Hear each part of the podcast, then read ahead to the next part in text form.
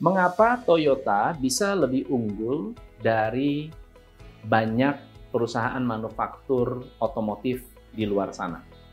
Di dunia dulu ada Ford, ada General Motor, yang menurut saya sangat-sangat unggul di Amerika. Tetapi yang menarik teman-teman, kalau Ford dan General Motor digabungkan omsetnya, Toyota kalah. Tapi yang menarik adalah kalau dibandingkan profitnya, GM dan Ford digabung jadi satu, profit Toyota lebih tinggi daripada kombinasi profit GM dan Ford. Pertanyaannya, kenapa? Toyota adalah sebuah perusahaan yang awalnya bukan otomotif. Awalnya adalah mesin jahit. Tetapi Mr. Toyota memikirkan bagaimana sih caranya supaya bisa lebih efektif, efisien, dan lebih produktif maka dipikirkan sebuah metode untuk membuat mesin tenun ini menjalankan automation. Automation berarti kombinasi antara manusia dan mesin berkolaborasi sehingga menjadi lebih produktif. Lalu kemudian Toyota mengembangkan ke industri otomotif. Dan pada saat mengembangkan industri otomotif, otomatis tidak langsung hebat. Mereka harus belajar. Mereka belajar di Amerika. Mereka belajar di manufaktur-manufaktur lain yang sudah hebat di luar sana. Sampai diajarkan oleh Edward Deming dan kemudian Toyota mendesain sebuah filosofi. Filosofinya adalah never blame the people, blame the process. Jangan pernah salahkan orangnya. Coba lihat prosesnya kalau prosesnya salah, siapa pun yang mengerjakan pasti salah.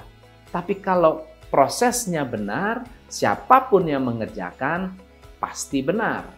Jika ada kesalahan, jika ada defect, coba analisa. Jangan pecat orangnya, tetapi analisalah prosesnya.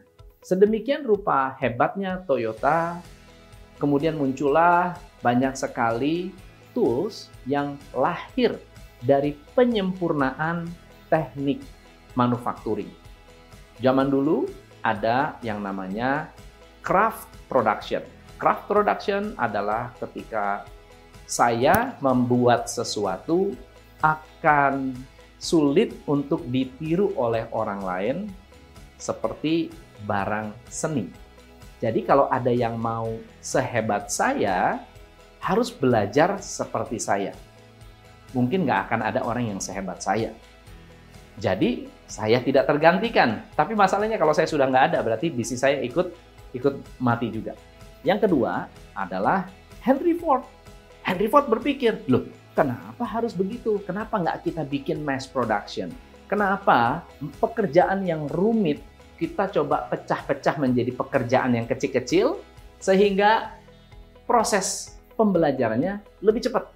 Maka timbullah industri otomotif yang bisa memproduksi mobil begitu banyak dengan mass production. Tapi mass production itu banyak kelemahan. Kelemahan terbesar orang-orang yang menggunakan mass production adalah inventorinya bengkak, biayanya besar, cash flow-nya bisa mandek, dan akhirnya bisa mengganggu profit jika terjadi masalah dengan penjualan. Kemudian, metode mass production ini di dikembangkan atau disempurnakan oleh Taichi Ono. Beliau adalah sensei atau coach atau manager di Toyota yang mendesain Toyota Production System. Nah, even Toyota Way ditulis oleh Jeffrey Lickert dalam bukunya Toyota Way. Di sana dijelaskan sedemikian rupa bagaimana Toyota membuat standarisasi, membuat bisa bekerja dengan efisien, bahkan lebih ringan. Kerjanya lebih ringan, hasilnya lebih banyak, dan berkualitas. Apakah Anda ingin punya karyawan yang kerjanya lebih ringan, hasilnya lebih banyak, dan outputnya lebih berkualitas? Kalau Anda mau belajar, Anda perlu mengerti tentang filosofi Toyota Way. Nah, saya akan mengadakan sebuah workshop di tanggal 9 dan 10 Juni jam 10 sampai jam 2 akan ada break lunch uh, semuanya akan diadakan online dan saya akan mengundang productivity expert Wawang Sukmoro. Beliau sudah menulis begitu banyak buku dan merupakan konsultan Toyota Production System dan Six Sigma yang sangat-sangat kompeten untuk membahas tentang bagaimana Anda, UKM, bisa menggunakan Toyota Production System untuk menciptakan efisiensi, productivity, dan profit yang maksimal untuk bisnis Anda. Apa yang akan kita pelajari? Kita akan belajar tentang 3 V dalam bisnis. VOC, VOB, VOP. Anda akan belajar. Kita akan belajar studi kasus Tesla, Toyota, dan GM Plus Ford. Kita akan lakukan studi kasusnya. Kita akan belajar bagaimana bisa mendesain sebuah profitable model menggunakan Kano model. Anda juga akan diajarkan bagaimana cara mendesain produk yang dicintai oleh customer.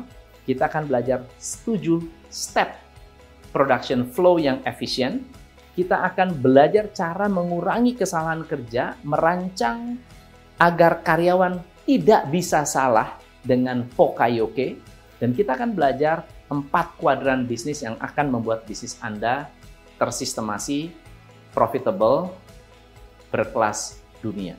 Buat Anda yang register, silakan daftar ke 08 111 59 5979. Acaranya tanggal 9-10 Juni jam 10 sampai jam 2 akan ada break makan siang, semuanya akan dilakukan online. Siap-siap, pikiran Anda akan terbuka luar biasa untuk menjadi bisnis kelas dunia. Daftar di sini, saya Tom MC Play, salam pencerahan. Hanya di Top Coach Indonesia